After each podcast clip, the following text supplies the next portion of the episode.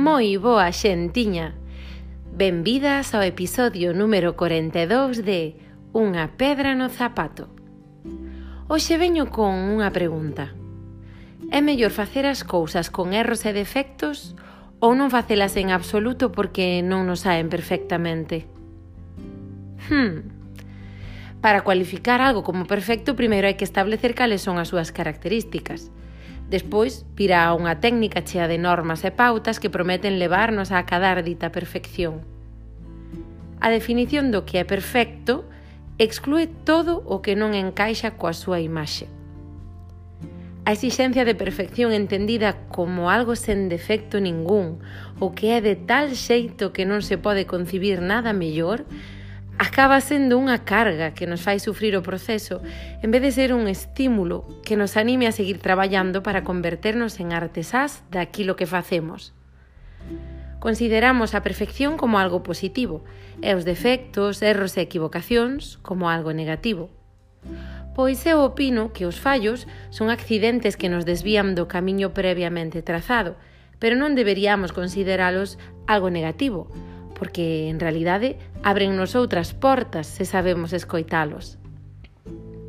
A perfección, entendida como requisito previo para facer ou executar algo ou para amosarnos e presentarnos ao mundo, fai un tándem coa nosa sensación de falta de valor propio.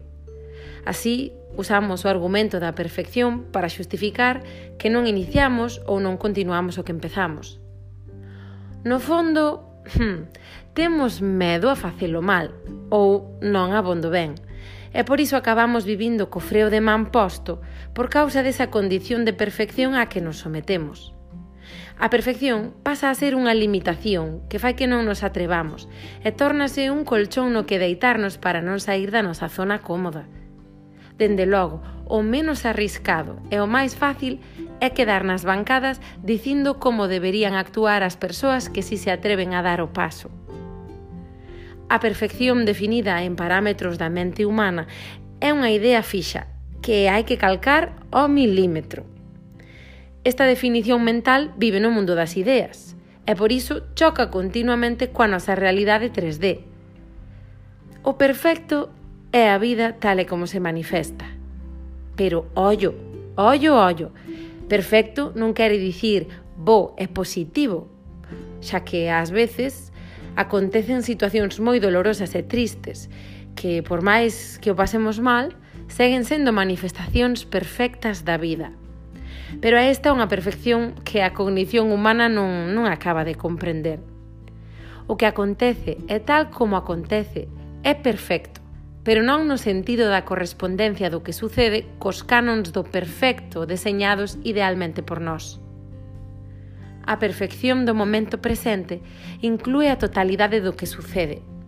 A perfección ideada pola mente humana exclúe o que non se corresponde coa súa imaxe.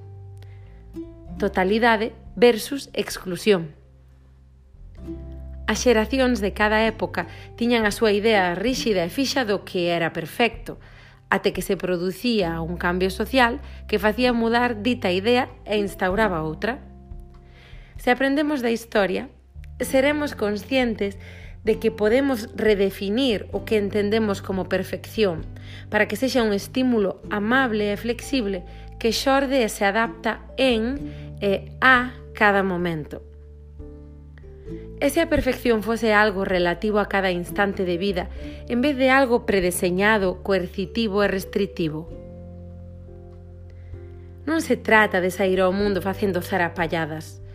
Trátase de non deixarnos limitar e reprimir pola nosa sensación de insuficiencia disfrazada con estándares de perfección ideais.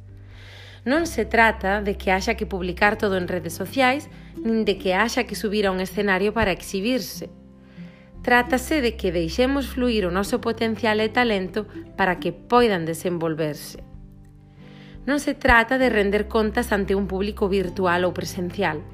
Trátase de escoitar e atender iso que rebole no noso interior, atrevéndonos a darlle saída, así sexa algo que facemos ou practicamos as soas e na intimidade da nosa casa. Anque non o executemos perfectamente, que iso non sexa a excusa que nos impida poñernos mansa a obra, xentiña. A perfección como ideal ao que imitar fai que nos quedemos na crítica compulsiva das demais, así como na autocrítica enfermiza, que nos reprime e paraliza na nosa acción, impedíndonos baixar a arena do anfiteatro, que é onde se axita a vida. O perfecto é facer o traballo, dedicarnos, presentarnos, entregarnos e dar o noso máximo até onde sabemos e podemos. Tendo en conta que dito máximo flutúa e non vai ser sempre exactamente igual, como tampouco son os momentos da vida. O perfecto inclúe todos os accidentes defectuosos que aparecen no proceso e que nos revelan algo máis sobre a vida que buliga no noso interior.